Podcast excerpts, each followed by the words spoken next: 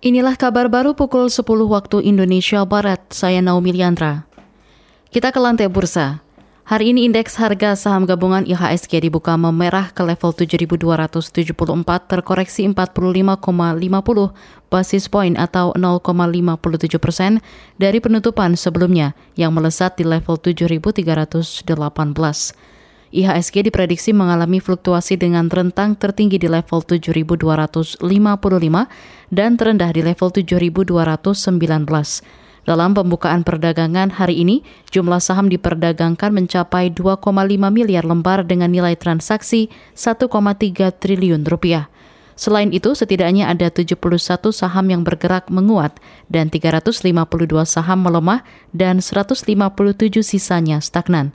Sementara itu, nilai tukar rupiah terhadap dolar Amerika Serikat ikut ambrol ke level 14.920 atau amblas 0,47 persen. Presiden Joko Widodo dan Ibu Iriana Jokowi melakukan kunjungan kerja ke Provinsi Maluku hari ini. Presiden dan rombongan lepas landas dari Bandara Halim Perdana Kusuma, Jakarta pada pukul 7 waktu Indonesia Barat.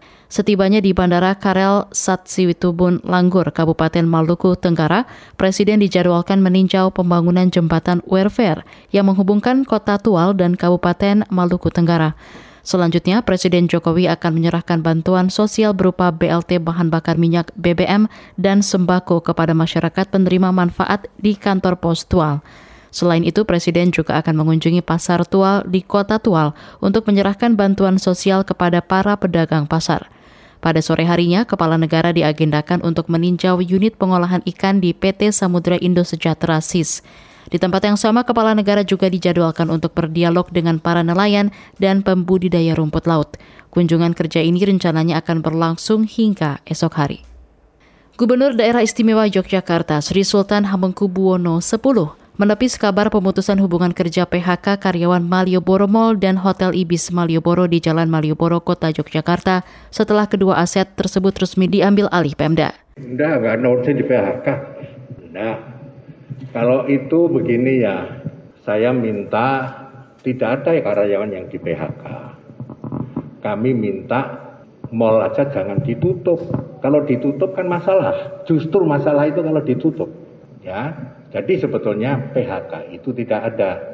Sultan Hamengkubuwono X mengatakan, sejauh ini belum ada opsi PHK terhadap ratusan karyawan Mall Malioboro maupun Hotel Ibis, kecuali para pekerja memilih mengundurkan diri. Sebelumnya, kontrak sewa Malioboro Mall dan Hotel Ibis Malioboro dengan PT Jogja Indah Sejahtera YIS habis per 12 September lalu. Maka dari itu, YIS menyerahkan kembali pengelolaan ke Pemda. Namun belum lama ini Pemda menunjuk PT Setia Mataram Tritunggal sebagai perusahaan pengelola baru, sembari menunggu negosiasi apakah kedua aset akan disewakan atau dikerjasamakan dengan pihak lain. Demikian kabar baru KBR, saya Naomi Liandra.